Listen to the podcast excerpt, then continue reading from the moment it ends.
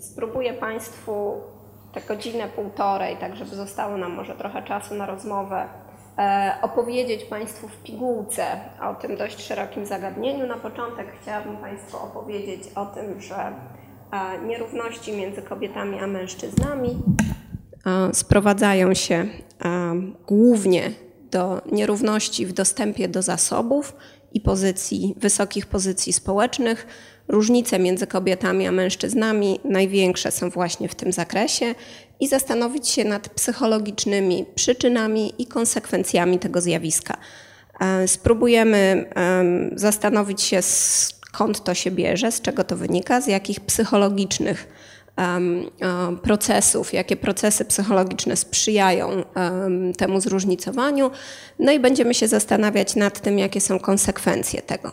E, przyjrzymy się też, czy rzeczywiście kobiety i mężczyźni na wysokich stanowiskach, kiedy już sprawują władzę, różnią się, różnią się stylami e, zarządzania i czy różnią się efektywnością.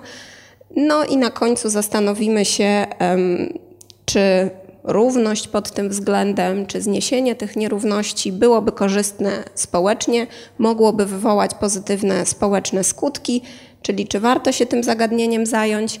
No i wreszcie zastanowimy się, w jaki sposób można by było zmienić obecne, obecną różnicę, w jaki sposób przezwyciężać te różnice.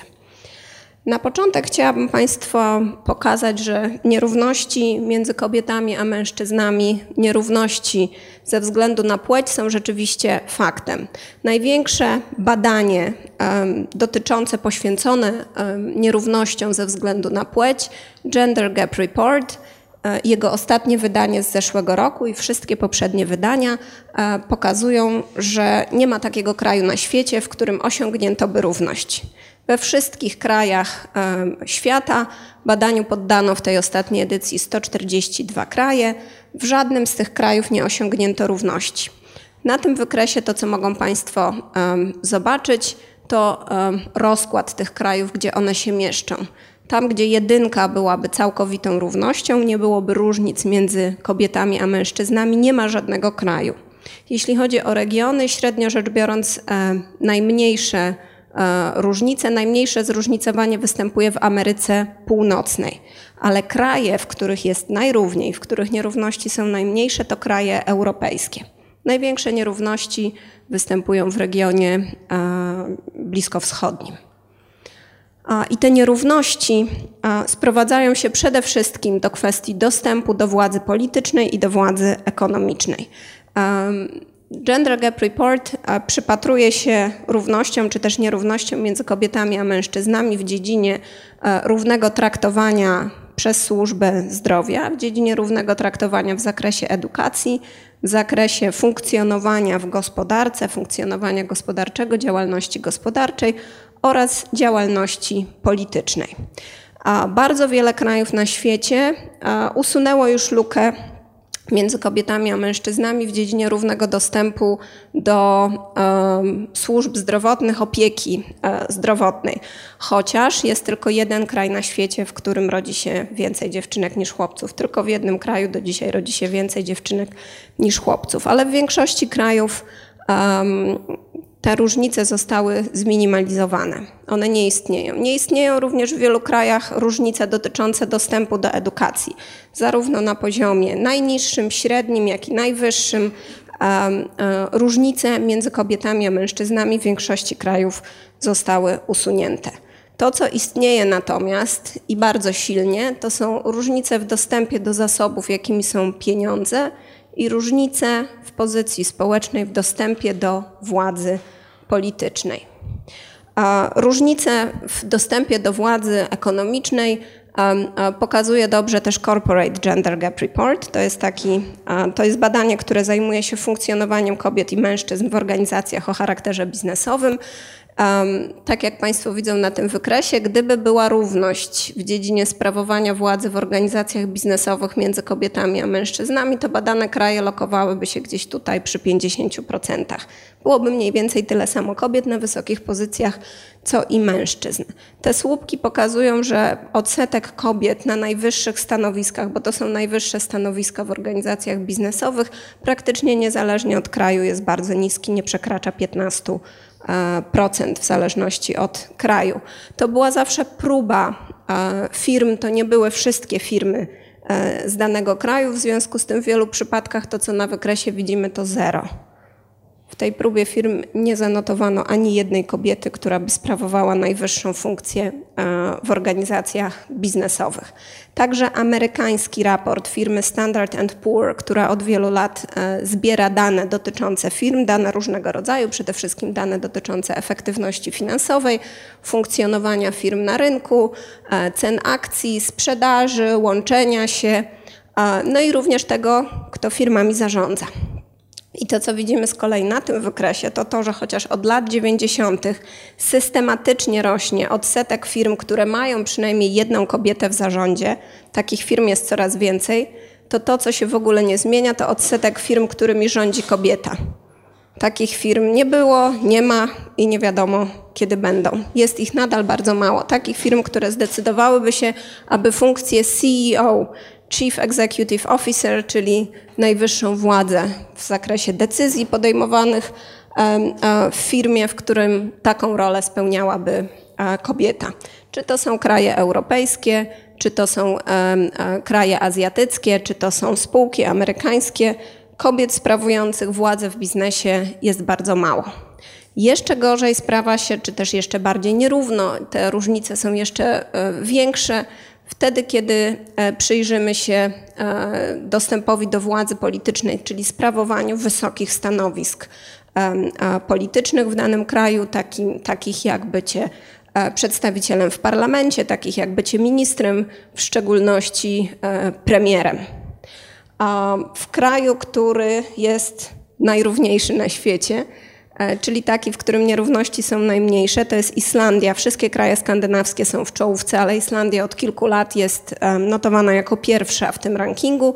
Nierówności w dostępie do władzy wynoszą 0,65. Ze sposobu, jak, w jaki ten wskaźnik jest liczony, z grubsza to oznacza, że na każdą dziesiątkę mężczyzn w polityce przypada około sześciu kobiet.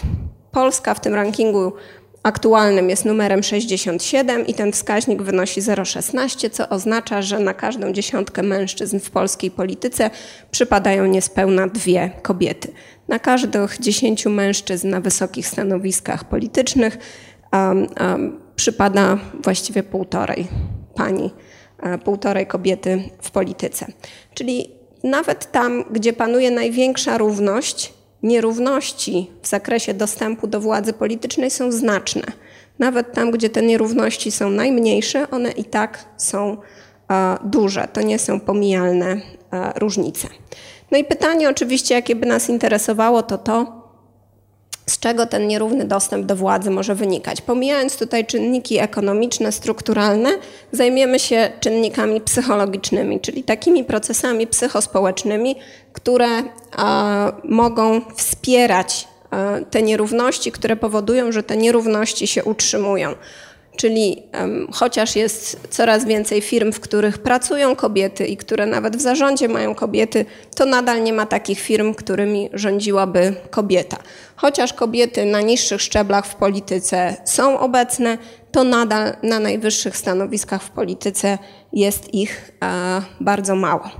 No i podstawowym, podstawowym właściwie zjawiskiem tutaj, czy efektem rozpowszechnionym właściwie we wszystkich krajach, w których to zagadnienie badano, jest to, że kobiety w społecznej percepcji nie pasują do roli lidera.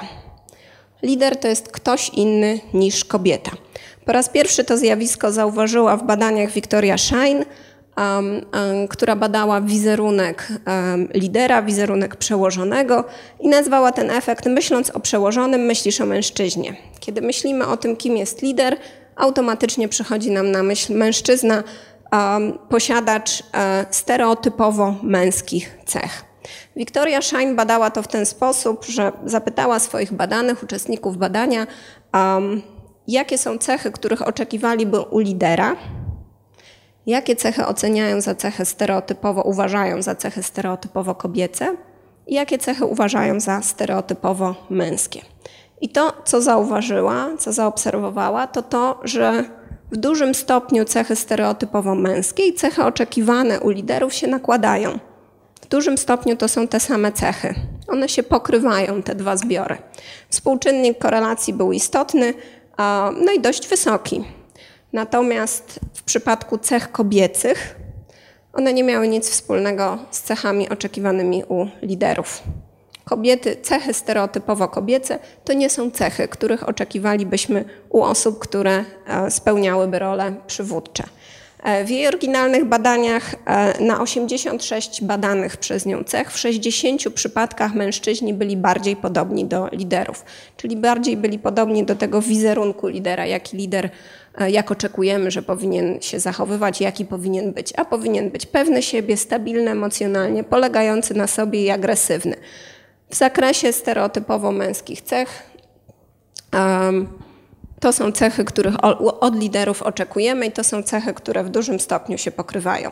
Natomiast w przypadku cech uznanych za kobiece tylko było osiem takich cech, w których to kobiety były bardziej podobne do liderów. To były takie cechy jak wyrozumiały, pomocny czy świadomy uczuć innych. Tego też oczekujemy od liderów, ale jest to tylko niewielki zakres naszych oczekiwań i tylko w niewielkim stopniu kobiety, w sensie stereotypowym, w sensie percepcji społecznej, e, są takie, jak lider powinien być.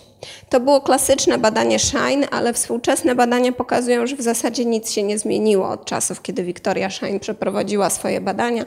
Współczesne metaanalizy Alice Koenig e, i zespołu pokazały, że rzeczywiście tak jest, że kiedy myślimy o przełożonym, myślimy o mężczyźnie, w tym sensie, że oczekujemy od przełożonych cech, które są uznawane za cechy stereotypowo męskie. Niezależnie od tego, czy te badania były przeprowadzone wcześniej czy później, ten efekt cały czas się utrzymuje, polegający na tym, że kobiety nie pasują po prostu do roli lidera. W społecznej percepcji to są osoby, które na liderów się nie nadają.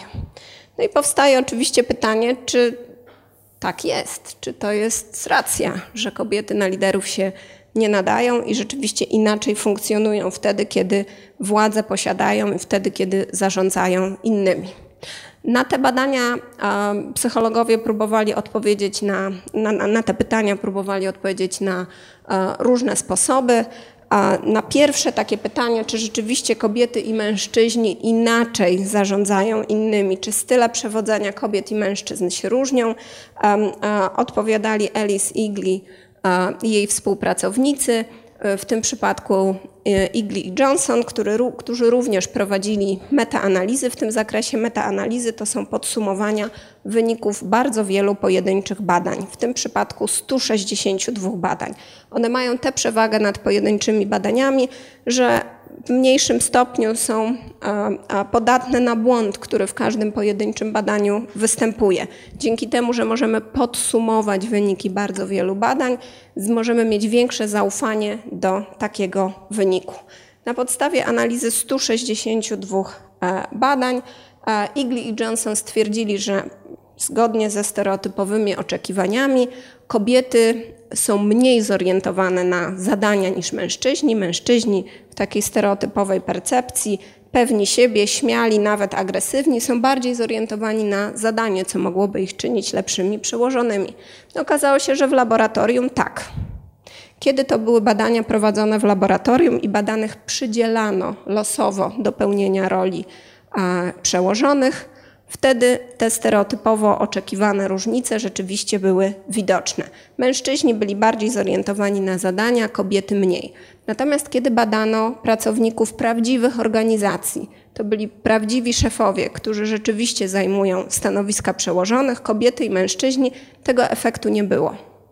Czyli w laboratorium on się manifestuje tam, gdzie mamy do czynienia z ludźmi którzy w rzeczywistości ról przywódczych nie sprawują, ale jeżeli patrzymy tylko na osoby, które role przywódcze rzeczywiście sprawują, ten efekt znika.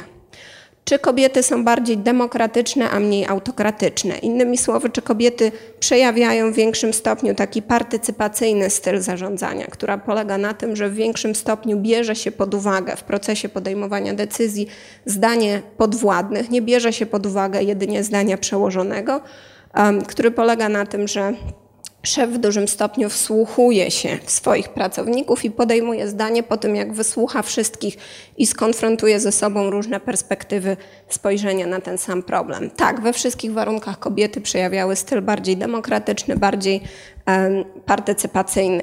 Co to znaczy? Do tego jeszcze za chwilę wrócimy, kiedy przyjrzymy się najnowszej analizie Alice Igli i jej e, e, zespołu w zakresie różnic w stylach przewodzenia. W tej metaanalizie, czyli podsumowaniu wielu badań, w tym przypadku 45 badań, przyglądano się takiemu nowemu, nowo wprowadzonemu podówczas, bo to były e, wczesne lata 90., na przełomie lat 80. i 90. Bas i Avolio zaproponowali nowe rozróżnienie stylów zarządzających oparte nie tylko na partycypacji lub też autokratycznym zarządzaniu, ale także na tym, jaką rolę odgrywa szef w oczach swoich podwładnych.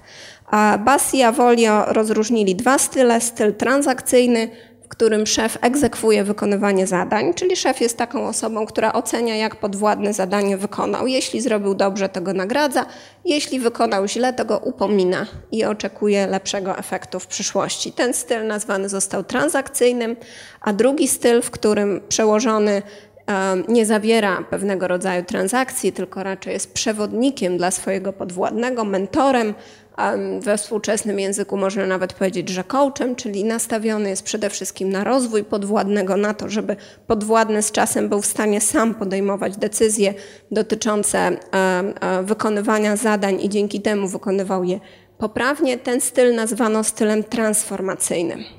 No i wyniki metaanalizy Igli i jej zespołu pokazały, że kobiety rzeczywiście w większym stopniu przejawiają styl transformacyjny zarządzania, czyli takim, w którym szef nie egzekwuje po prostu wykonania zadań, tylko jest przewodnikiem po wykonywaniu zadań. Również wsłuchuje się w swoich podwładnych i zastanawia się, e, jakie są ich słabsze, jakie są ich mocniejsze strony, w czym należy ich e, wesprzeć, co należy skorygować, żeby w przyszłości byli samodzielnymi zdolnymi do podejmowania decyzji pracownikami. Kobiety w większym stopniu są takimi szefami, ale jeśli chodzi o styl transakcyjny, to kobiety również częściej nagradzają.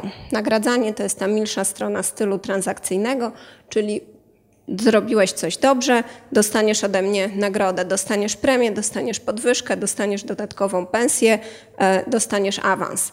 Ale również rzadziej upominają. To jest ta ciemna strona stylu transakcyjnego, czyli nagany, kary, zwolnienia albo upomnienia, albo obcięcie pensji to są, to są sposoby zarządzania takiego transakcyjnego, sposoby, jakie podejmuje taki szef o stylu transakcyjnym i kobiety w mniejszym stopniu odwołują się do tego rodzaju praktyk charakterystycznych dla stylu transakcyjnego niż mężczyźni.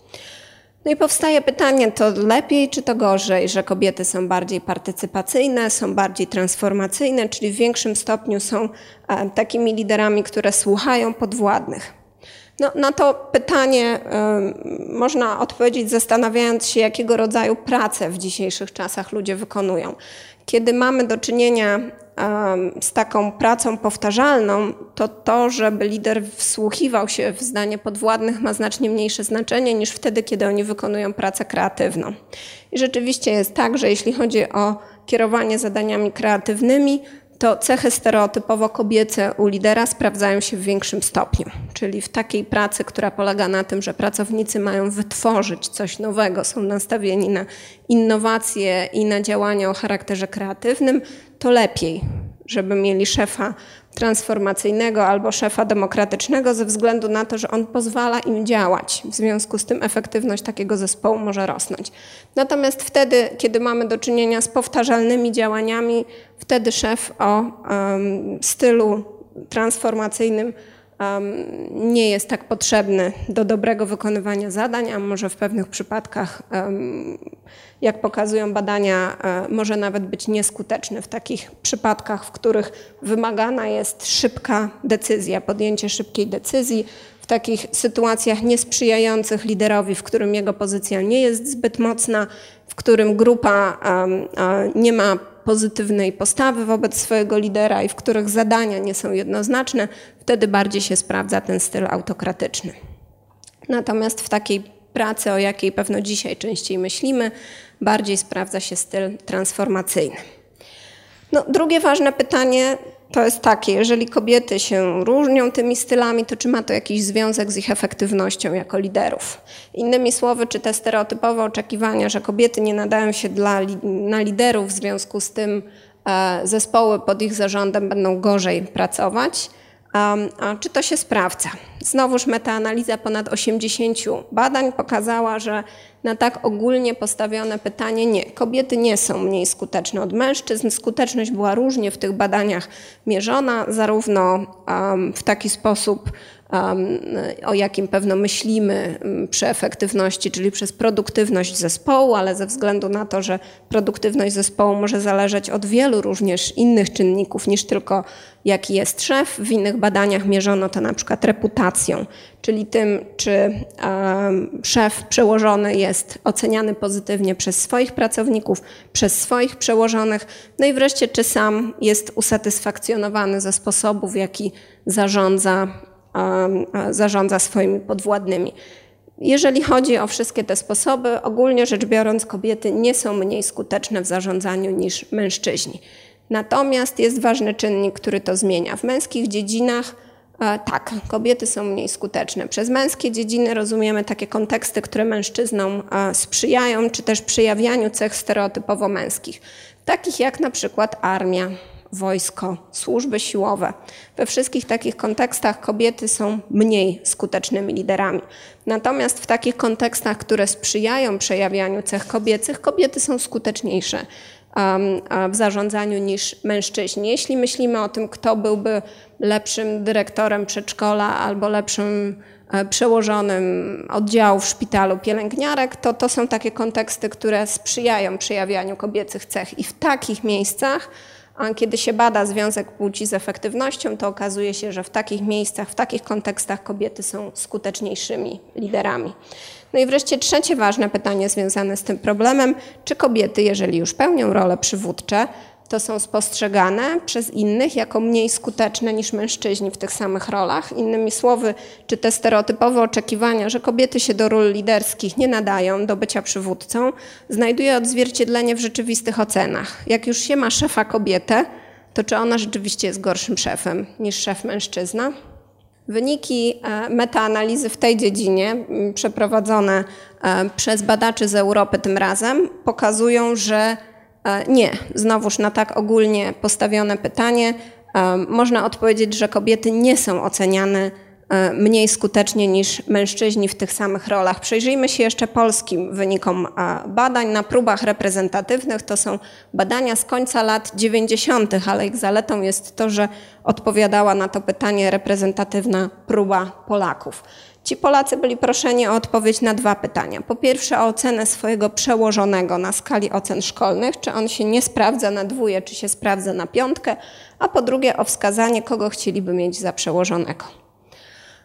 Badano oczywiście kobiety i mężczyzn, bo to była próba reprezentatywna, no i niektórzy z nich mieli przełożonego mężczyznę, a inni mieli przełożoną kobietę. Jeśli chodzi o oceny mężczyzn, to one się nie różniły jeśli chodzi o to, czy w zależności od tego, kogo oceniali. Mężczyźni, którzy mieli szefa kobietę, byli z niego tak samo zadowoleni, jak ci, którzy mieli szefa mężczyznę. Podobnie kobiety. Te oceny też nie różniły się ani między sobą, ani od ocen mężczyzn. Rzeczywistych szefów ocenia się na, nie, na czwórkę z minusem. oni zawsze mają jakieś zalety, oni mają jakieś wady, ale to nie jest związane z płcią tych szefów. Natomiast kiedy zadano tej samej próbie badanych pytanie, kogo wolisz mieć za bezpośredniego przełożonego, kobietę czy mężczyznę, to jak Państwo myślą, jak kobiety i mężczyźni odpowiadali? Mężczyznę, tak. Kiedy zapytano mężczyzn, mężczyźni woleli mieć w przytłaczającej większości szefa mężczyznę. Ponad 60% mężczyzn odpowiadało na to pytanie w ten sposób, że wybraliby szefa mężczyznę, gdyby mogli wybrać nie kobietę. A kobiety? Oczywiście, kobiety dla odmiany wolały za szefa mężczyznę nie e, wybierały kobiety, chociaż e, e, nieco częściej wskazywały, ich wybory wskazywały, że nieco częściej wolałyby szefa przełożonego kobietę niż mężczyznę, ale jeśli już mogłyby wybrać, to też wolałyby mężczyznę. Chociaż w rzeczywistości oceny nie zależą od płci, i szefowie są tak samo oceniani. Jeśli moglibyśmy wybrać, wybralibyśmy przełożonego mężczyznę. A państwo kogo by wybrali? Pewno często nasze stereotypowe przekonania dokładnie są takie, że kobiety rzeczywiście na tych liderów się nie nadają, mają te cechy takie jak emocjonalność i w związku z tym nigdy nie wiadomo na czym się stoi z szefem kobietą, natomiast przełożony mężczyzna to jest osoba pewna, decyzyjna, przynajmniej wiadomo jak zdecyduje, to się tego trzyma. Takie są mniej więcej stereotypowe przekonania dotyczące tego, jak kobiety i mężczyźni by e, funkcjonowali. Wracając do tej metaanalizy, okazało się, że zależy również e, ten efekt, czy, czy oceny są zróżnicowane, czy nie, zależy od tego, kto oceniał. Jeśli weźmiemy tylko pod uwagę to, że inni oceniali funkcjonowanie kogoś jako przełożonego, to okazało się, że kobiety są oceniane jako bardziej skuteczne niż mężczyźni. Ale kiedy wzięto pod uwagę tylko to, że ktoś sam oceniał swoją własną skuteczność, to mężczyźni oceniali siebie jako bardziej skutecznych. Kobiety oceniały siebie jako mniej skutecznych liderów, natomiast um, inni oceniali ich jako liderów przełożonych, um, bardziej skutecznych. E, ten wynik jest dość ważny, bo on się powtarza w różnych kontekstach, nie tylko w badaniach dotyczących ocen siebie i innych, ale także w różnego rodzaju badaniach będziemy wracać jeszcze do tego e, wyniku, który mówi, że e, kobiety mogą same rezygnować. Kobiety w swoich własnych oczach mogą nie nadawać się na liderów i w związku z tym mogą się tam nie zgłaszać. No, na takie szerokie pytanie w takim razie, czy kobiety są gorszymi przełożonymi niż mężczyźni, chyba trzeba odpowiedzieć, że nie. A nic nie wskazuje na to, żeby kobiety zasadniczo różniły się od mężczyzn, a w niektórych przypadkach, w niektórych kontekstach mogą być nawet bardziej skuteczne niż mężczyźni. E, czyli dużo tu zależy od kontekstu. To nie jest tak, że, że kobiety się na, do ról przywódczych nie nadają, tylko są takie konteksty, w których kobiety szczególnie dobrze wypadają, a są takie konteksty, w których kobiety um, wypadają gorzej, ale z grubsza rzecz biorąc, kobiety nieco częściej niż mężczyźni reprezentują taki styl partycypacyjny zarządzania który znowuż w zależności od tego, z jaką organizacją polityczną czy biznesową mamy do czynienia, może być bardziej lub mniej skuteczny. No to jak to się dzieje w takim razie, że kobiety, chociaż z grubsza rzecz biorąc, nie bardzo różnią się od mężczyzn w tych, jeśli już realizują rolę przełożonych, jeśli już rzeczywiście sprawują władzę nad innymi, jeśli zajmują wysoką pozycję, to nie bardzo różnią się od mężczyzn. Wszystkie badania dotyczące korupcjogennych skutków władzy, żadne z tych badań nie pokazuje, że kobiety i mężczyźni w innym stopniu reagują na władzę. Wszystkie badania pokazują, że władza działa tak samo na kobiety i na mężczyzn, to znaczy niezbyt dobrze. Kobiety na starcie mogą się różnić trochę od e, mężczyzn, ale jak dostają władzę, to ona działa na nich w podobny sposób, jak działa, jak działa na mężczyzn. No i pytanie w takim razie dlaczego? No, Igli i Karał próbowało odpowiedzieć, pokazując taki efekt, który można nazwać społecznym paragrafem 22.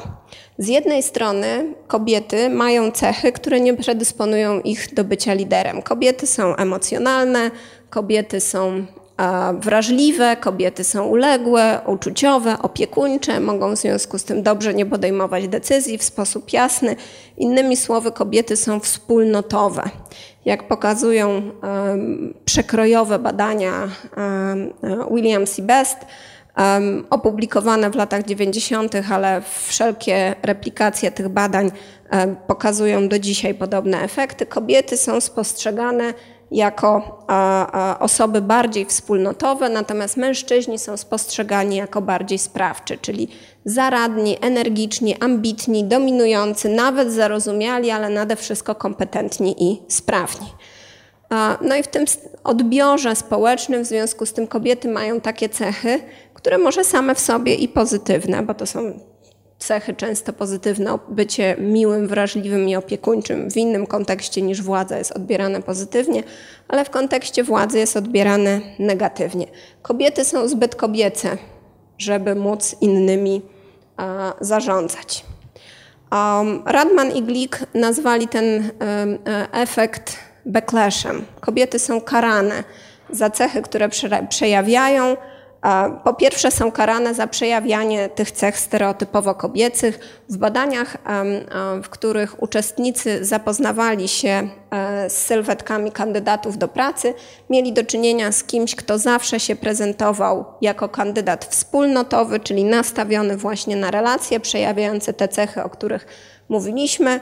No i byli proszeni uczestnicy o ocenę tego kandydata, jak bardzo on się wydaje kompetentny, jak bardzo on się wydaje, w jakim stopniu posiadać umiejętności społeczne, no i należałoby go zatrudnić, czy nie.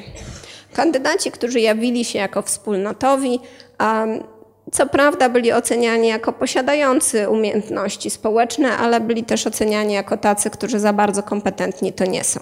No i w związku z tym, niezależnie od tego, czy to byli mężczyźni, czy to były kobiety, Raczej nie należało przyjmować takich kandydatów do pracy, tego zdania byli uczestnicy badania.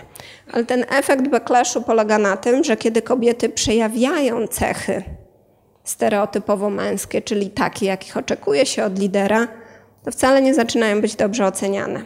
Kandydaci, którzy autoprezentowali się w sposób sprawczy, co prawda cieszyli się wysokimi ocenami kompetencji, ale cieszyli się mniejszymi ocenami umiejętności społecznych, szczególnie w przypadku kobiet, i w związku z tym byli mniej chętnie przyjmowani, szczególnie kobiety. Czyli kobiety, ponieważ są wspólnotowe, będą niechętnie zatrudniane, bo nie mają tych cech, których u lidera się oczekuje, ale kobiety, które autoprezentują się w taki sposób stereotypowo męski, sprawczy, będą źle oceniane, bo nie mają tych cech kobiecych, których od kobiety się oczekuje. Czyli jeżeli robią wrażenie osoby miłej, to wydają się trochę głupie. Ale jeżeli robią wrażenie osoby kompetentnej, to wydają się trochę niedobre. No i takiej złej kobiety nie chcielibyśmy zatrudnić. Na tym polega ten paragraf 22, czyli kobiety są karane i za przejawianie cech stereotypowo kobiecych, bo one nie pasują do wizerunku osoby sprawującej władzę albo sprawnego kandydata. I kobiety są e, karane za to, że przejawiają takie cechy, ponieważ to nie pasuje do wizerunku kobiety. Kobiety takie nie powinno być. A tak jak Państwo tutaj widzą, wymóg, wymóg wspólnotowości jest wyższy dla kobiet niż e, e, dla mężczyzn. Kobiety powinny być bardziej miłe, mniej sprawcze, żeby były oceniane jako równie miłe jak e, mężczyźni. I ten e, efekt obserwowany jest również w prawdziwych kontekstach, czyli to oczekiwanie wysokiej wspólnotowości. Kobiety nie tylko, że nie mają takich cech, jakie powinni mieć dobrzy pracownicy czy liderzy, ale kiedy przejawiają takie e, cechy, to wydają się niezbyt opiekuńcze. Takich badaniach, w których, e, i to może być ciekawe w tym kontekście, w jakim się znajdujemy, w których badano, w jaki sposób studenci oceniają prowadzących kurs, a wykorzystano do tego technologię wirtualnej rzeczywistości. Kursy odbywały się całkowicie w internecie. Były albo prowadzone przez kobietę, albo były prowadzone przez mężczyznę, a badani myśleli, że albo mają do czynienia z prowadzącym mężczyzną, albo mają do czynienia z prowadzącą kobietą. Prawdziwa płeć nie odgrywała żadnej roli w ocenach na końcu, które studenci formułowali w odniesieniu do kursu i w odniesieniu do prowadzącego. Natomiast to, w co wierzyli, było istotnie związane z ich ocenami. Kiedy wierzyli, że kurs jest prowadzony przez mężczyznę, byli bardziej zadowoleni. Ale kiedy wierzyli, że kurs był prowadzony przez kobietę, sądzili, że ona była niedostatecznie miła. Niezależnie od tego, czy to była naprawdę kobieta, czy to był naprawdę mężczyzna. Kobiety powinny być bardziej opiekuńcze, w związku z tym, jeśli nie są bardziej opiekuńcze, to są oceniane negatywnie. No, dlaczego? Skąd ten paragraf 22? Bo wydaje się, przynajmniej na tym etapie, wydaje się, że e, nie ma dobrze. Albo będzie się ukaranym za to, że się jest za bardzo kobiecym, albo będzie ukaranym się za to, że się jest nadmiernie e, męskim. E, Lori Radman sformułowała e, teorię niespójności statusu i stwierdziła, e, że prawdopodobnie dlatego kobiety, u kobiet sprawczość jest oceniana negatywnie, że prowadzi do zajmowania wysokich miejsc w hierarchii. A to jest niespójne ze statusem kobiet. Średnio rzecz biorąc, we wszystkich społeczeństwach status kobiet jest niższy niż status mężczyzn i naruszanie tej hierarchii społecznej narusza całe społeczne status quo. A tego nie odbierają pozytywnie ani mężczyźni, ani kobiety. No kiedy zbadała, jakie są cechy zakazane u kobiet, to to były cechy nie tylko sprawcze, ale przede wszystkim związane z dominacją. To były takie cechy jak agresywna, zastraszająca, dominująca, arogancka, buntownicza i wymagająca. I kobiety, które robią wrażenie takich, są negatywnie oceniane, bo tak kobiety nie powinny w percepcji społecznej się zachowywać. No ale mężczyźni też nie mają łatwo, żeby nie było. Wszystkie cechy takie jak emocjonalny, naiwny, słaby, niepewny, łatwowierny czy dramatyzujący to są cechy odbierane negatywnie u mężczyzn. No i w związku z tym w kolejnych badaniach eksperymentalnych, w których znowuż badacze, uczestnicy badania mieli do czynienia z kandydatami do pracy, mieli do czynienia z kandydatami, którzy autoprezentują się w sposób skromny, którzy siebie nie przeceniają, znacznie bardziej negatywnie oceniali mężczyzn prezentujących się skromnie niż kobiety. No bo kobiety mogą prezentować się skromnie, ale mężczyźnie skromna autoprezentacja nie przystoi. Mężczyźni powinni być agresywni, dominujący, aroganccy i wymagający. W związku z tym, jeżeli robią wrażenie emocjonalnych, niepewnych, łatwowiernych czy dramatyzujących, są oceniani znacznie bardziej negatywnie niż e, kobiety. Od mężczyzn bowiem oczekuje się dominacji, a od kobiet oczekuje się e, uległości. No i w związku z tym społecznym oczekiwaniem od kobiet uległości, kobiety są karane za przejawianie dążenia do władzy. I to przejawia się w sposób najbardziej paradoksalny, tak jak w badaniach Okimoto i Breskol, kiedy kandydatki w wyborach politycznych mówiły, że startują w wyborach ze względu na to, że chcą sprawować władzę, były oceniane negatywnie. Chęć oddania na nie głosu spadała w porównaniu z warunkami, w których nie deklarowały chęci dążenia do władzy. Mężczyznom deklaracja dążenia do władzy nie szkodzi to jest spójne z ich statusem i z oczekiwaną rolą społeczną, w związku z tym mężczyźni nie tracili na deklarowaniu um, takiej swojej chęci dążenia do władzy. Natomiast nawet w kontekście wyborów politycznych, kiedy kobiety a, mówią o tym otwarcie, deklarują, że dążą do władzy, są oceniane negatywnie. Wtedy, kiedy deklarują takie dążenia, stawia im się zarzut nadmiernej ambicji, którego nie stawia się mężczyznom. Dla mężczyzn to jest ambicja, u kobiet to jest nadmierna ambicja. Jak pokazały analizy Hall i Donahue, mm, analizy zawartości mediów przeprowadzone po wyborach, przeprowadzone po tym, jak w Australii Julia Gilliard została pierwszą kobietą na stanowisku premiera w historii e, Australii, to zarzucono, e, opisywano to zdarzenie jako e, cios nożem w plecy. Julia Gilliard zajęła miejsce premiera kolegi z tej samej partii. No i zarzucono jej to, że kobiety nie postępują w ten sposób. Nice girls don't carry knives. Miłe dziewczynki nie noszą noży. Takie zachowanie dążenie do zdobywania władzy kobiecie nie przystoi. Podobnie zresztą pisano w Polsce o Ewie Kopacz, określano ją jako bezwzględnie ambitną, czy o Hillary Clinton w Stanach Zjednoczonych, opisując ją jako ruthlessly ambitious, czyli agresywnie, bezwzględnie, bezwzględnie ambitną. Czyli kobiety, które dążą do władzy, są odbierane jako nadmiernie ambitne, jako takie, które co gorsza robią coś e, złego. W związku z tym e, kobiety, e, które przejawiają zachowania typowe dla osób dominujących, dla osób sprawujących władzę, dla osób zajmujących wysokie pozycje, są oceniane bardziej negatywnie. Przykładem, jednym z wielu takich zachowań może być przejawianie emocji złości. Złość jest to emocja, która daje zazwyczaj ludziom poczucie siły, poczucie władzy. Badania pokazują, że kiedy ludzie przygotowują się do konfrontacji z innymi, to świadomie wprowadzają się w stan odczuwania złości, chociaż złość jako emocja sama w sobie jest negatywna, to w pewnych kontekstach ludzie chcą odczuwać złość.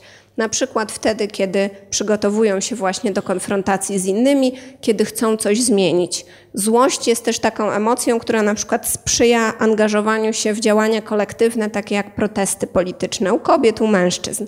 Wszystko jedno. Osoby, które odczuwają złość w związku z jakimś rodzajem nierówności, złość e, związaną ze status quo, są bardziej skłonne do działania, żeby zmienić to status quo, żeby zmienić e, e, hierarchię.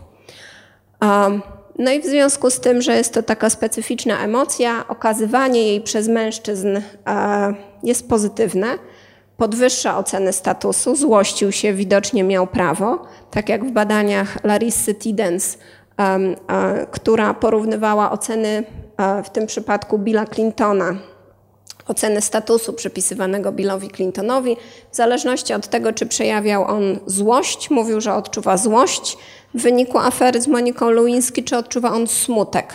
Kiedy Bill Clinton odczuwał smutek, jego status spadał. Kiedy Bill Clinton mówił, że odczuwa złość, przypisywany mu status rósł. Uważano go za osobę o wyższym statusie wtedy, kiedy był zły w związku z tą aferą.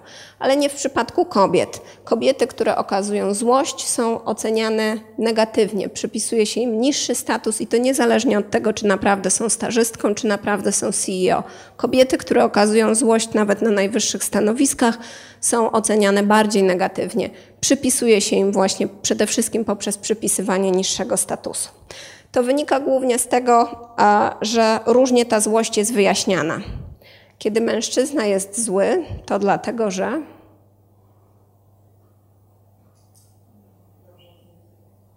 Przepraszam, głośniej? Adekwatnie zareagował. Ktoś się źle zachował, w związku z czym wprowadził go w stan złości. Natomiast kiedy złość przejawia kobieta, to dlaczego? Niestabilna emocjonalnie. No niestety takim kobietom ufać nie można. I dokładnie tak była opisywana Hillary Clinton, żona Billa Clintona. Konserwatywny polityk Adam Nagurni określił ją jako too angry to be elected president. Hillary Clinton Bill Clinton um, rósł w status i we władzę, kiedy okazywał złość, ale Hillary Clinton była zbyt zła, żeby można ją było wybrać na prezydenta. Nie przez przypadek New York Times, opisując te różnice, um, um, zatytułował swój artykuł Who is Hormonal? Kobietom często przypisuje się złość w wyniku tego, że ich ciało funkcjonuje w taki, a nie inny sposób, w wyniku różnic w funkcjonowaniu emocjonalnym, znowuż związanym z funkcjonowaniem oczywiście cielesnym. Innymi słowy, e, mężczyźni przejawiający złość, ta złość u mężczyzn przypisywana jest czynnikom zewnętrznym, związanym z ich otoczeniem, a w przypadku kobiet złość przypisywana jest czynnikom wewnętrznym, bo to zła kobieta była. Innymi słowy, dlatego złość przejawiała. No i jeżeli tak, to być może można ten efekt usunąć. Badacze zastanawiali się nad tym, czy dostarczenie przekonującego wyjaśnienia dla odczuwanej złości w przypadku kobiet może zapobiec temu efektowi.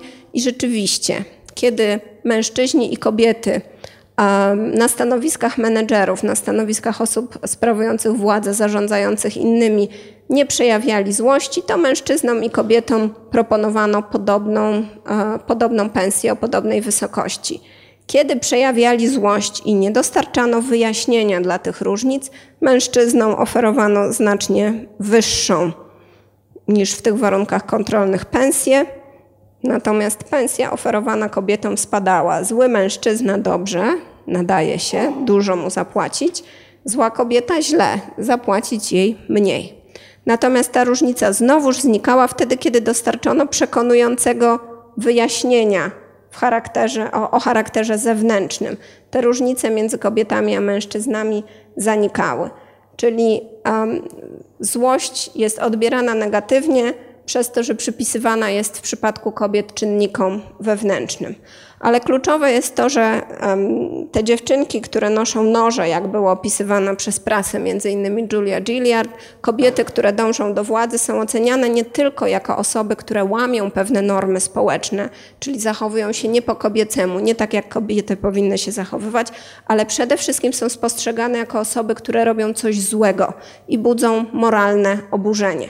Czyli istota sprawy sprowadza się nie tylko do tego, że kobiety zachowują się nieodpowiednio, w tej sytuacji. Nie tak jak kobiety, nie tak jakby normy społeczne przewidywały, ale sprowadza się do tego, że ludzie sądzą, że one coś złego czynią. W związku z tym e, kobiety dążące do władzy budzą moralne oburzenie, takie jak budziła w Stanach e, i budzi Hillary Clinton, takie jak budziła i budzi na przykład e, premier Ewa Kopacz w Polsce. W związku z tym bardzo dziwne wydaje się to, że kobiety, jeśli już wyznaczane są na stanowiska przywódcze, to wyznaczane są do tych ról w trudnych warunkach. To jest dziwne, no bo jeśli kobiety nie nadają się do ról przywódczych, jeśli nie mają tych cech, które trzeba, to już lepiej, żeby liderami były wtedy, kiedy jest łatwo. To przynajmniej mniej popsują. Ale paradoksalnie kobiety są chętniej umieszczane na pozycjach przywódczych są chętniej awansowane wtedy, kiedy warunki są trudne, kiedy jest kryzys. Efekt ten nazwano szklanym urwiskiem. Kobiety są windowane na szklane urwiska wtedy, kiedy dzieje się źle, kiedy ryzyko tego, że spadnie się w przepaść jest, jest bardzo duże w sytuacji kryzysu, tak jak na przykład została na stanowisko CEO korporacji Yahoo mianowana Marissa Mayer nie wtedy, kiedy w Yahoo dobrze się działo, tylko wtedy, kiedy firma przeżywała znaczny kryzys. Podobnie na przykład premierem Islandii, stanowisko premiera czy też premierki Islandii zajęła Johanna Sigurdardottir wtedy, kiedy kraj zmagał się z kryzysem wywołanym przez kryzys, e, przez kryzys globalny, wtedy, kiedy w Islandii działo się najgorzej. Dlaczego? Jak Państwo myślą? Dlaczego, jeżeli kobiety tak się nie sprawdzają, to wtedy, kiedy jest trudno, wyznacza się je do ról przywódczych, a nie wtedy, kiedy jest łatwo?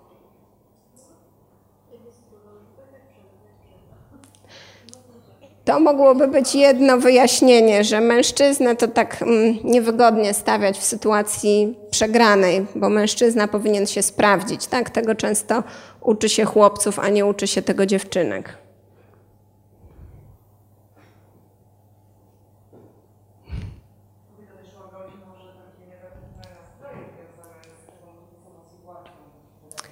Tak, być może sytuacja jest tak trudna, że wymagane są inne cechy niż dotychczasowe.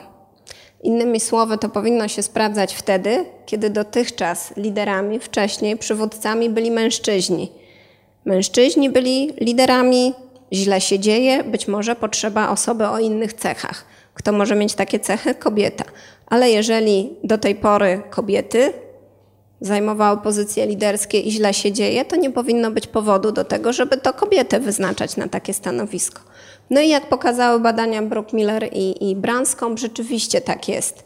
Czyli wtedy, kiedy um, organizacje znajdują się w sytuacji kryzysowej, a poprzednie przywództwo było męskie, opisywano tam historię organizacji, w której trzema poprzednimi przywódcami, liderami byli mężczyźni, wtedy kobiety zyskują większe szanse na to, żeby być wyznaczone, żeby być wskazane na pozycję lidera. Kiedy kryzysu nie ma, kiedy wszystko dobrze się dzieje, kiedy organizacje odnoszą sukcesy, no to mężczyźni są chętniej wskazywani, także w takich warunkach, kiedy to wcześniej mężczyźni byli e, liderami. Zawsze byli liderami mężczyźni, dobrze się działo i dobrze się dzieje, nie ma powodu nic zmieniać, wskazujemy mężczyznę.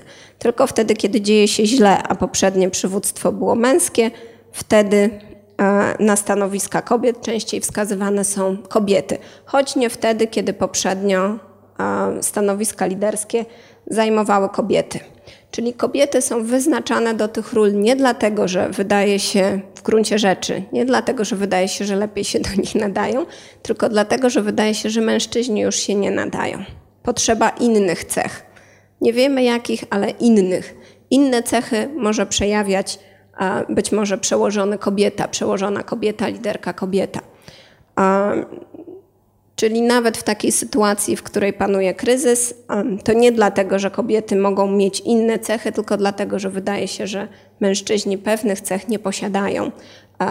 Kobiety zyskują szansę na przywództwo. No jak to wpływa na same kobiety? Jak oczekiwanie takich negatywnych ocen może wpływać na to, jak kobiety funkcjonują rzeczywiście w organizacjach, w jaki sposób myślą o swoim własnym awansie? No, po pierwsze, kobiety same się wycofują. Widzieliśmy wyniki metaanalizy, w których um, kiedy wzięto pod uwagę jedynie własne oceny, to kobiety jako liderki oceniały się jako mniej skuteczne. Kobiety same się uciszają, rezygnują, odpuszczają. Um, jak pokazały badania Amanatulla i Morisa, Amanatulli i Morisa, kiedy kobiety negocjują dla siebie, to negocjują niższe stawki. Kobiety potrafią być równie skutecznymi negocjatorami jak mężczyźni wtedy, kiedy negocjują dla innych. Kiedy negocjują pensje dla innych, pensja wynegocjowana przez mężczyznę jest taka sama jak pensja wynegocjowana przez kobietę. Ale kiedy kobiety negocjują dla siebie, wynegocjowują o wiele niższą pensję niż wtedy, kiedy negocjują mężczyzna i negocjują niższą pensję niż wtedy, kiedy negocjują dla kogoś innego. Innymi słowy, to kobiety robią krok w tył. To nie jest tylko tak, że kobiety są bardziej negatywnie oceniane, ale kobiety również decydują się na ten krok w tył. To samouciszanie może być zupełnie literalnie samouciszaniem. Badania pokazują, że osoby, które dużo mówią, z większym prawdopodobieństwem zostają liderami. Klasyczne analizy Balesa jeszcze z lat 50. pokazały, że ten, kto dużo mówi w grupie, często dochodzi do wysokich stanowisk. I ci, którzy te stanowiska wysokie zajmują, wysoką pozycję w grupie, mówią więcej. Wtedy, kiedy są mężczyznami, nie wtedy, kiedy są kobietami. Badania Wiktorii Breskol pokazały, że a, częstość zabierania głosu i długość wypowiedzi senatorów Stanów Zjednoczonych zależała w dużym stopniu od ich statusu, czy to były osoby wpływowe o dostępie do zasobów, które mogły rozdawać stanowiska i które mogły wpływać na innych, miały duży wpływ na innych, czy to były, byli senatorowie szerego, szeregowi o niskim statusie. No i w zależności od, i zależały także od tego, czy to byli y, mężczyźni, czy to były kobiety. Osoby o niskim statusie jak pokazały analizy wystąpień w Senacie, z których spisywano czas trwania wypowiedzi częstość zabierania głosu, e, mężczyźni i kobiety na niskich stanowiskach tak samo rzadko i tak samo mało mówią. No, to w tym nie ma nic dziwnego. Jeśli myślimy o sobie, jak funkcjonowaliśmy w grupach, których byliśmy podwładnych, to raczej czekaliśmy na to, co powiedzą osoby decyzyjne, osoby, które sprawują władzę, osoby, które mają wysoki status, niż sami zabieraliśmy głos. Natomiast wtedy, kiedy e, ludzie zyskują wysoki status, mają wysoki status, mówią więcej i częściej, i dużo, i dłużej, wtedy, kiedy są mężczyznami. Chociaż nie wtedy, kiedy są kobietami, ta różnica nie była istotna. No i w związku z tym takie pytanie znowuż do przemyślenia. Czy to jest tak, że to kobiety same się wycofują? Czy to jest tak, że kobiety mają rację, oczekując tych negatywnych efektów i tego, że mogą być ocenione jako gadatliwe, a nie jako liderki? E, Taką niedawną propozycją Miki Brzeziński, być może Państwo słyszeli o tej książce, e, to była propozycja złożona kobietom, żeby poznały swoją wartość żeby zabierały głos, żeby negocjowały tyle, ile rzeczywiście są warte i żeby grały ostro, tak ostro jak mężczyźni, wtedy różnice między mężczyznami a kobietami znikną, kobiety zaczną zajmować um, takie same pozycje jak mężczyźni. A Wiktorię Breskol zainteresowało również i to, czyli czy kobiety rzeczywiście oczekują takiej kary społecznej za gadatliwość. I tak oczekują. Kobiety mówią o tym, że mówią mniej ze względu na to, że mogłyby być negatywnie ocenione właśnie jako e, gadatliwe. No i ważniejsze pytanie – czy są gorzej oceniane wtedy, kiedy dużo mówią? Tak. Jeśli chodzi o liderów, którzy mówią mało, to kobiety są oceniane bardziej pozytywnie niż mężczyźni. Od mężczyzn oczekuje się tego, żeby zabrali głos, żeby się wypowiedzieli. W związku z tym ci, którzy mówią mało, są oceniani trochę mniej pozytywnie niż kobiety i mniej pozytywnie niż mężczyźni, którzy mówią dużo, ale przede wszystkim to kobiety, które mówią dużo, są oceniane bardziej negatywnie zarówno niż mężczyźni, którzy dużo mówią, ale również bardziej negatywnie niż kobiety, które mówią mało. Od mężczyzn oczekujemy, żeby mówili dużo i to u nich premiujemy, a od kobiet oczekujemy, żeby mówiły mało i to z kolei jest u nich premiowane. Czyli to samo uciszenie nie polega tylko na tym, że wyłącznie kobiety czynią ten krok do tyłu, ale kobiety czynią ten krok do tyłu w oczekiwaniu społecznej kary, i ta społeczna kara nie jest mirażem, nie jest złudzeniem, ona rzeczywiście istnieje. Kobiety, które robią krok do przodu, z kolei są oceniane właśnie jako nadmiernie ambitne, jako takie, które nie zachowują się tak, jak powinny, jako takie, które robią coś złego. Po drugie, ma to na kobiety również taki wpływ, że jeśli one funkcjonują w męskim kontekście, to zaczynają identyfikować się z mężczyznami w miarę jak dochodzą do tych wysokich pozycji. Kobiety, które doszły do wysokich pozycji, udało im się zająć wysokie pozycje w grupach zdominowanych przez mężczyzn, zaczynają w pewien sposób myśleć, że są jedną z mężczyzn, że są bardziej do nich podobne, zaczynają sobie myśleć w kategoriach cech męskich. Natomiast to, co spada, to ich identyfikacja z innymi kobietami. Kobiety tracą poczucie więzi z kobietami, a zaczynają o sobie myśleć w kategoriach męskich. No i to jeszcze nie byłoby mm, nic takiego, gdyby nie to, że ten syndrom królowej Ula, na ten syndrom królowej Ula, syndrom Queen Bee składa się jeszcze trzecia ważna rzecz. Mianowicie taka, że kobiety, kiedy dochodzą w takich męskich dziedzinach do wysokich pozycji, to zaczynają oceniać inne kobiety surowiej niż mężczyzn. Czyli kiedy mamy do czynienia ze zdominowanym przez mężczyzn kontekstem, zdominowanym przez mężczyzn środowiskiem i kobietom udaje się przebić ten przysłowiowy szklany sufit i dojść do wysokich pozycji, no one zaczynają myśleć, ja widocznie nie jestem taką typową kobietą, nie jestem podobna do innych kobiet. Ja widocznie mam takie cechy, które trzeba, takie męskie, a te inne kobiety, no to takie nie są. Jakby były, to by doszły, no ale są na dole. Widocznie takich cech nie mają.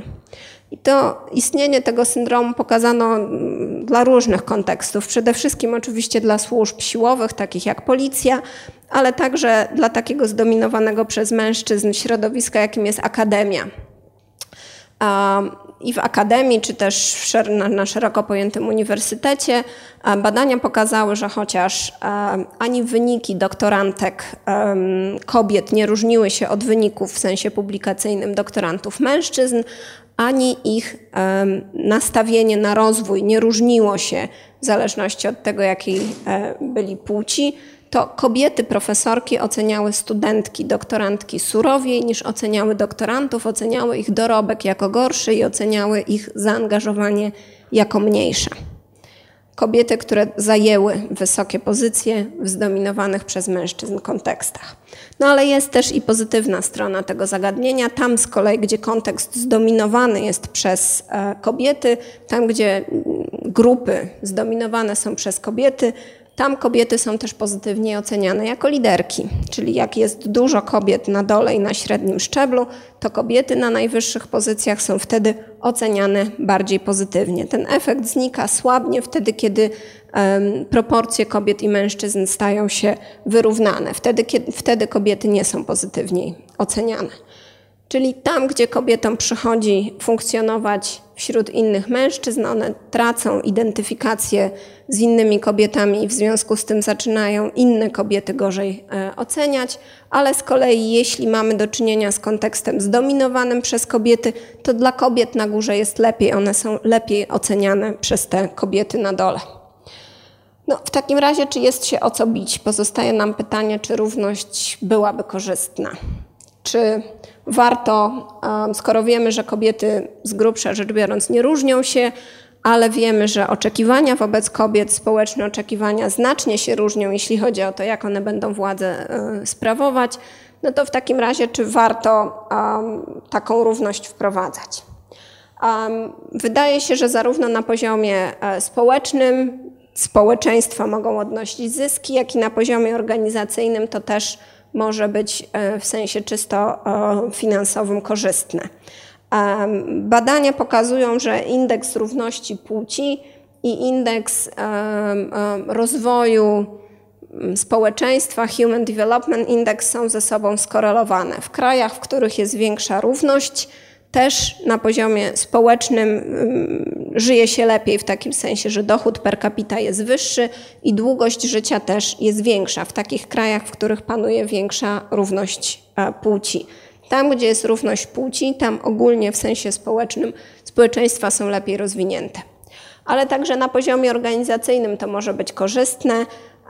Analizy Detso i Ross, które kilka lat temu rzeczywiście e, były hitem w wielu mediach, pokazały, że liczba kobiet w zarządzie jest bezpośrednio związana z zyskami E, firm, ale tylko w takich firmach, które są nastawione na innowacje. Mówiliśmy o tym, że kobiety są skuteczniejszymi liderkami w takich dziedzinach kreatywnych i rzeczywiście analizy takich danych panelowych, danych na zbieranych na przestrzeni 15 lat, znowuż przez Standard i Poor, pokazały, że jeżeli nie mówimy o startupach, tylko o firmach już funkcjonujących, dobranie do zarządu jednej kobiety wiąże się z zyskiem na poziomie 44 milionów dolarów rocznie.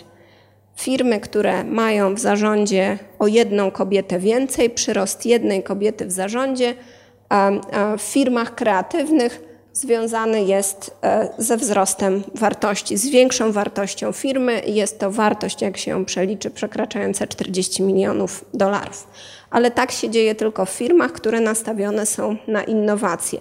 Natomiast w firmach, których działania kreatywne nie są główną strategią, e, kobiece przywództwo e, nie przynosi korzyści, ale też nie szkodzi. To znaczy nie jest tak, że te firmy um, um, funkcjonują gorzej w sensie finansowym, czy kobiety w zarządzie, um, liczba kobiet w zarządzie związana jest z tym, że te firmy podejmują mniej trafne decyzje w sensie finansowym, one po prostu nie zyskują.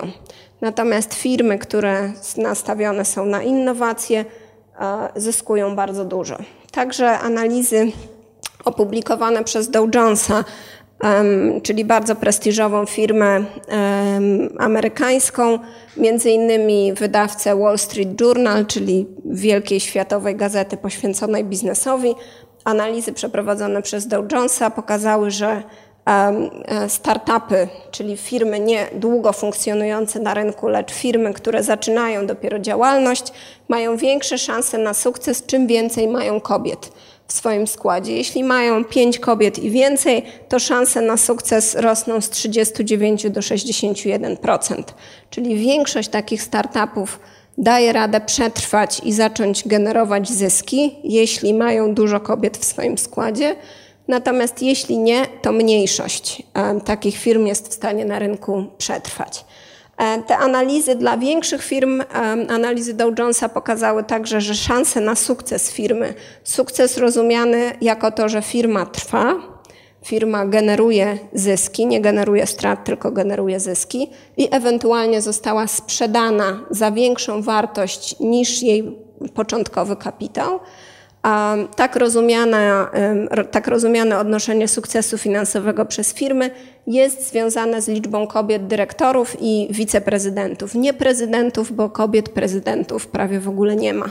Natomiast wiceprezydentów trochę jest i czym jest ich więcej w składzie zarządu. Czym więcej jest kobiet dyrektorów w firmie, tym szanse e, firmy na sukces są większe. Dlaczego? Dlaczego oprócz tego stylu, który może wyjaśniać dobre wyniki kobiet dowodzących firmami nastawionymi na, na innowacje, innym powodem, dla którego ten efekt może zachodzić, jest to, że czym więcej kobiet w składzie, tym zespół odznacza się większą kolektywną inteligencją. Kolektywna inteligencja analogicznie do inteligencji indywidualnej, mierzonej współczynnikiem inteligencji. Możemy też mówić o inteligencji zespołów, czy połączenie kilku osób, kilku mózgów, burza mózgów, um, jakie przynosi efekty, jaki zespół ma przejawia współczynnik inteligencji, możliwości w rozwiązywaniu zadań. No i okazuje się, że one zależą od tego, czy w takim zespole panuje równość w zabieraniu głosu, zależą od tego, od wrażliwości społecznej członków, czyli czy inni wsłuchują się w to, co, um, um, co inni mają do powiedzenia, czy słuchają siebie nawzajem i związany też jest istotnie z proporcją kobiet. Czym więcej kobiet, tym ten współczynnik kolektywnej inteligencji w zespołach podejmujących decyzje większy i w związku z tym decyzje bardziej trafne, jak pokazały badania Anity Ulej opublikowanej w drugim najbardziej prestiżowym piśmie naukowym świata, czyli, e, czyli w Science. Czyli przywództwo kobiet, czy posiadanie kobiet w zarządzie może być korzystne dla organizacji. Po pierwsze, z tego względu, że rzeczywiście e, styl zarządzania kobiet jest trochę inny i tam, gdzie kontekst wymaga tego innego stylu, stylu partycypacyjnego, stylu transformacyjnego, tam te firmy, te organizacje mogą zyskiwać, ale także zespoły z większą liczbą osób, kobiet w składzie e, zyskują na kolektywnej inteligencji i w konsekwencji rozwiązują, e, rozwiązują problemy lepiej, podejmują bardziej trafne decyzje. No, w związku z tym ostatnia rzecz, jak poszerzyć pulę talentów. Co zrobić w takim razie, żeby rzeczywiście te zyski społeczne zauważyć, bo te zyski są zauważalne, jeśli liczba kobiet rośnie. Jak nie będzie rosnąć, to tych zysków nie zauważymy. Jednym z takich sposobów poszerzania puli talentów jest autonominacja. Jeżeli jest tak, że to negatywne, tendencyjne oceny ferowane wobec kobiet są przyczyną tego, dlaczego kobiety do wysokich pozycji nie dochodzą, no to być może dobrym sposobem jest to, żeby kobiety same się nominowały na te wysokie pozycje. No i na taki pomysł wpadła korporacja Google, która wprowadziła taką procedurę autonominacji Szefowie mogli być nie tylko, szefowie zespołów mogli być nie tylko wybierani przez górę, ale mogli także sami się wskazywać. No i efektem tego był spadek liczby kobiet na stanowiskach menedżerskich, na stanowiskach liderskich. To, co Google przez wprowadzenie tej procedury zauważyło, zaobserwowało w wyniku jej wprowadzenia, to spadek liczby kobiet. Dlaczego? Dlatego, że jeśli mamy się sami nominować, to kobiety robią ten krok do tyłu. Tak? Kobiety się samo uciszają. Kobiety nie wskazują się, nie nominują się na pozycje liderskie. W związku z tym niestety ta procedura wprowadzona przez Google nie była skuteczna i Google z niej zrezygnowało, szukając innych dróg do tego, żeby te talenty wyłapać i poszerzyć te pulę talentów o dodatkowe 50%. Drugie Drugi sposób to mogą być rozmaite e, interwencje równościowe, które prowadzą do równości kobiet i mężczyzn, i jeśli te szanse zostaną wyrównane, wtedy być może kobiety będą równie chętnie awansowane na te wysokie pozycje, na pozycje liderskie. Na przykład językowe, różnego rodzaju interwencje o charakterze językowym są wprowadzone. Podstawową, taką obecną także w języku polskim rodzajem interwencji jest używanie żeńskich form nazw zawodów w miejsce męskich. Ministra, premierka, e, dyrektorka, prezeska, profesorka zamiast męskich odpowiedników, zgodnie z tym pomysłem, powinny być używane w odniesieniu do kobiet. Badania pokazują, że takie interwencje językowe są o tyle skuteczne, że powodują rzeczywiście wzrost dostępności przykładów kobiet, które takie funkcje sprawują. Kiedy mówimy, ile znasz dyrektorek, ile znasz prezesek, ile znasz premierek, e, wtedy zarówno kobiety, jak i mężczyźni podają więcej przykładów kobiecych bo to im otwiera taką szufladkę w głowie. A, premierka, czyli w ogóle takie są premierki.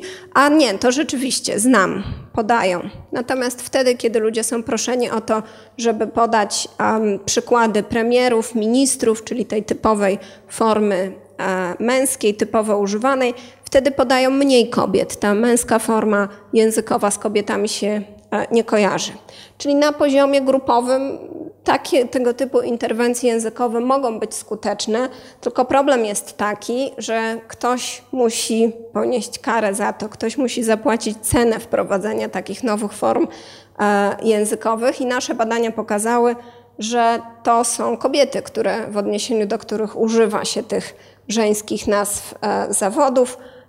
W badaniach używałyśmy zarówno sztucznych nazw zawodów, jak i prawdziwych nazw zawodów. Jedną z takich wymyślonych przez nas nazw zawodu to był diarolog albo diarolożka w formie żeńskiej, czyli osoba zajmująca się lasami. Prosiliśmy badanych o przeczytanie fragmentu artykułu z Rzeczpospolitej, w którym to w layout Rzeczpospolitej włożyliśmy wypowiedź e, diarologa mężczyzny, diarologa kobiety albo kobiety diarolożki.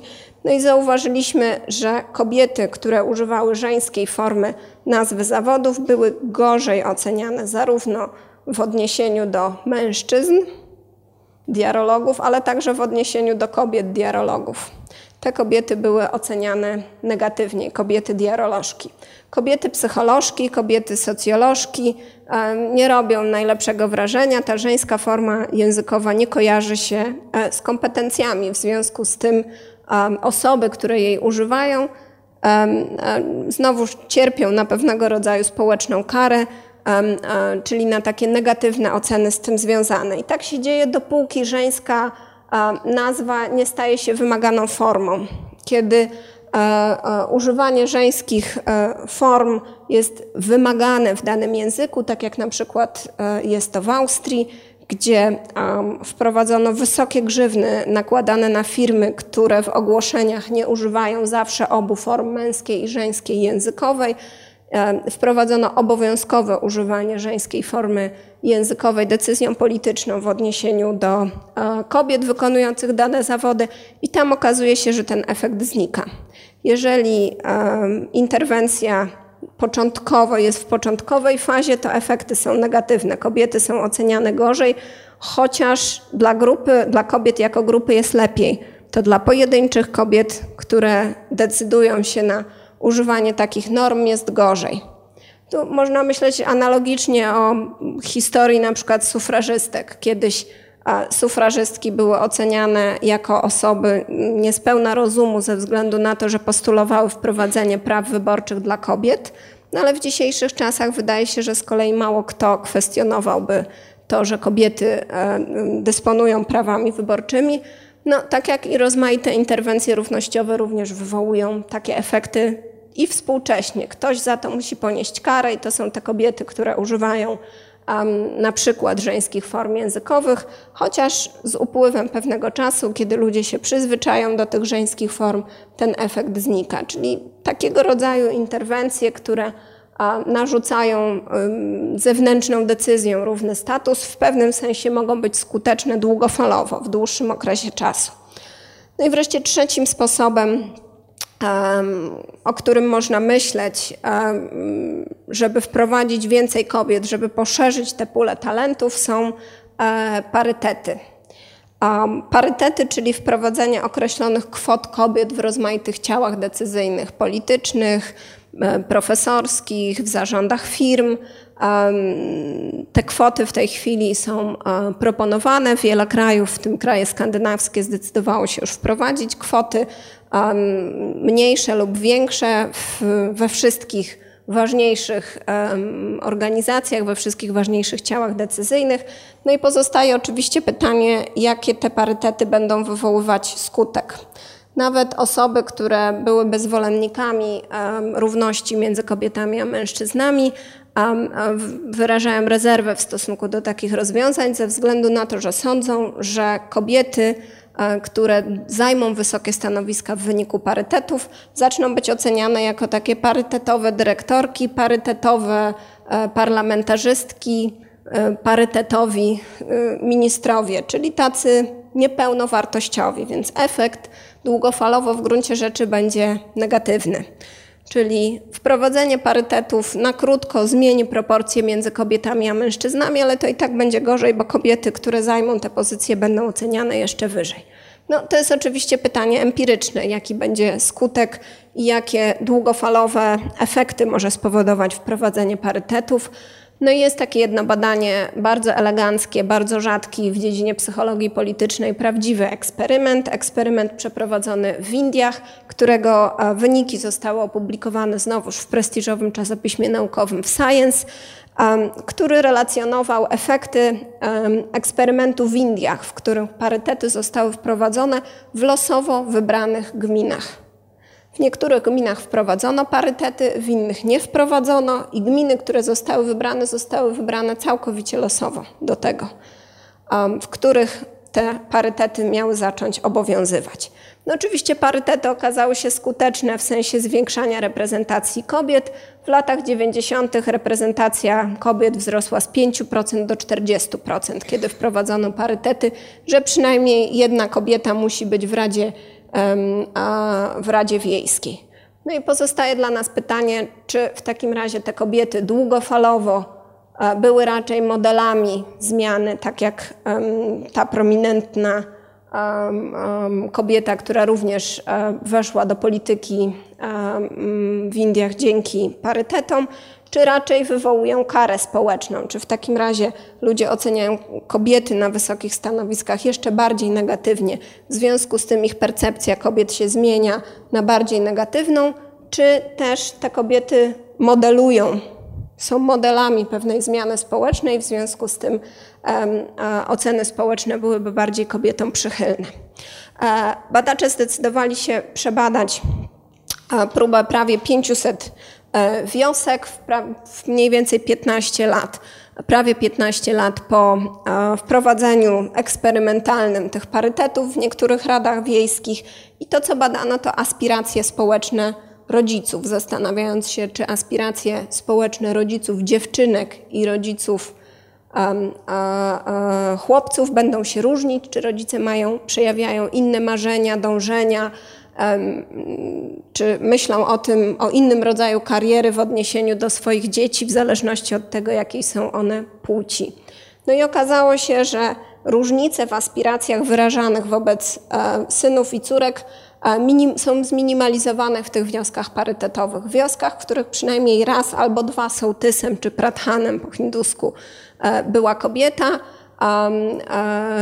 zarówno ojcowie, jak i matki córek wyrażali takie pragnienia, żeby córki e, wyjechały i studiowały prawo albo studiowały medycynę i wróciły do wioski i zajęły wysoką pozycję w życiu, e, w lokalnym życiu społecznym. Natomiast w takich wioskach nieparytetowych, w których tego parytetu nie wprowadzano kilkanaście lat wcześniej, aspiracje wyrażane wobec córek i E, synów e, dość znacznie się różniły. To znaczy, e, marzeniem w odniesieniu do synów było to, żeby oni wyjechali, studiowali prawo albo medycynę, natomiast marzeniem w odniesieniu do córek było to, żeby one wyszły za mąż. Czyli te tradycyjne aspiracje pozostały w tych wioskach nieparytetowych, natomiast w wioskach parytetowych aspiracje wobec przyszłych pokoleń się zmieniły. No, badania pokazują też, że kobiety bardziej niż mężczyźni potrzebują rzeczywiście kobiecych ról modeli, jak pokazała, jak pokazała Lockwood.